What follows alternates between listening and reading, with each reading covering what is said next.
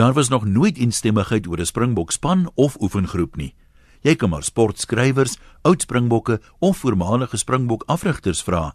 Die spanne wat hulle kies, sal altyd in 'n hele paar posisies verskil. Daar sal altyd 'n paar gelukkige spelers wees en 'n paar wat as ongelukkig beskou kan word. Dit was nog altyd so en dit sal altyd so wees, selfs by die magtige All Blacks.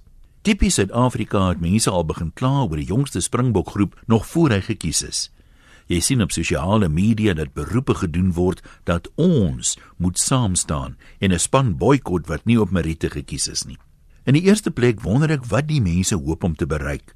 As jy hulle vra of hulle toetse bywoon, is die antwoord altyd dat hulle lankal nie meer hulle geld mors nie. Nou kan ek nie help om te wonder hoe jy dink dit gaan help as jy nie die toets op TV kyk nie. Voel jy regtig jy oefen druk op iemand uit of besef jy nie dat jy net jouself spyt nie?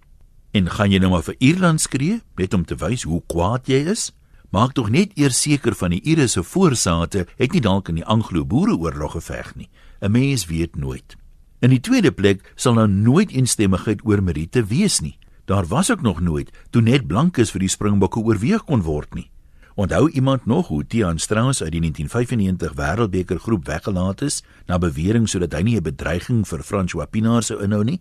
Nie lank daarna nie is die einste Pinaar weer gedrop om plek te maak vir 'n onbekende speler van Griekwas, wie se naam almal al vergeet het. So hoekom sal daar nou eensstemmigheid wees nou dat transformasie ook nog 'n faktor is?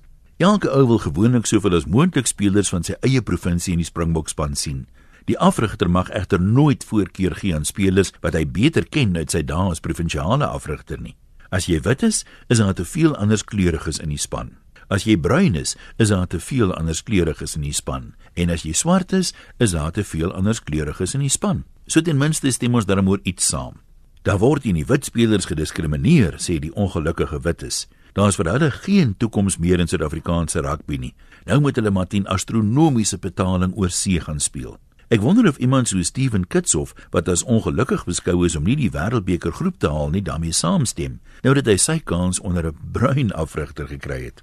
Natuurlik is niemand ten gunste van diskriminasie nie. Die hartseer ding is dat baie mense dit nou skielik eers besef. As hulle jare gelede net so gekant was teen diskriminasie, sou nou vandag nie eers sprake gewees het van moontlike kwotas nie. Terloops, ek bevraagteken Alistair Coetzee se verbintenis tot transformasie. Ek meen, vir die eerste keer in jare is daar 'n wit vleuel in die groep. As Tuti regtig ernstig was, kon hy mos baie maklik iemand in sy plek gekies het. Ek verkies om nie te konsentreer op een of twee omstrede keuses nie. Die mees omstrede een was vir my om Kitshof in te sluit.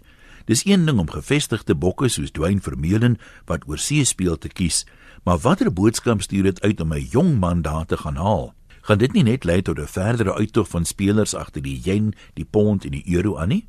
Nogtans bly my bloed groen. Groete van oor tot oor.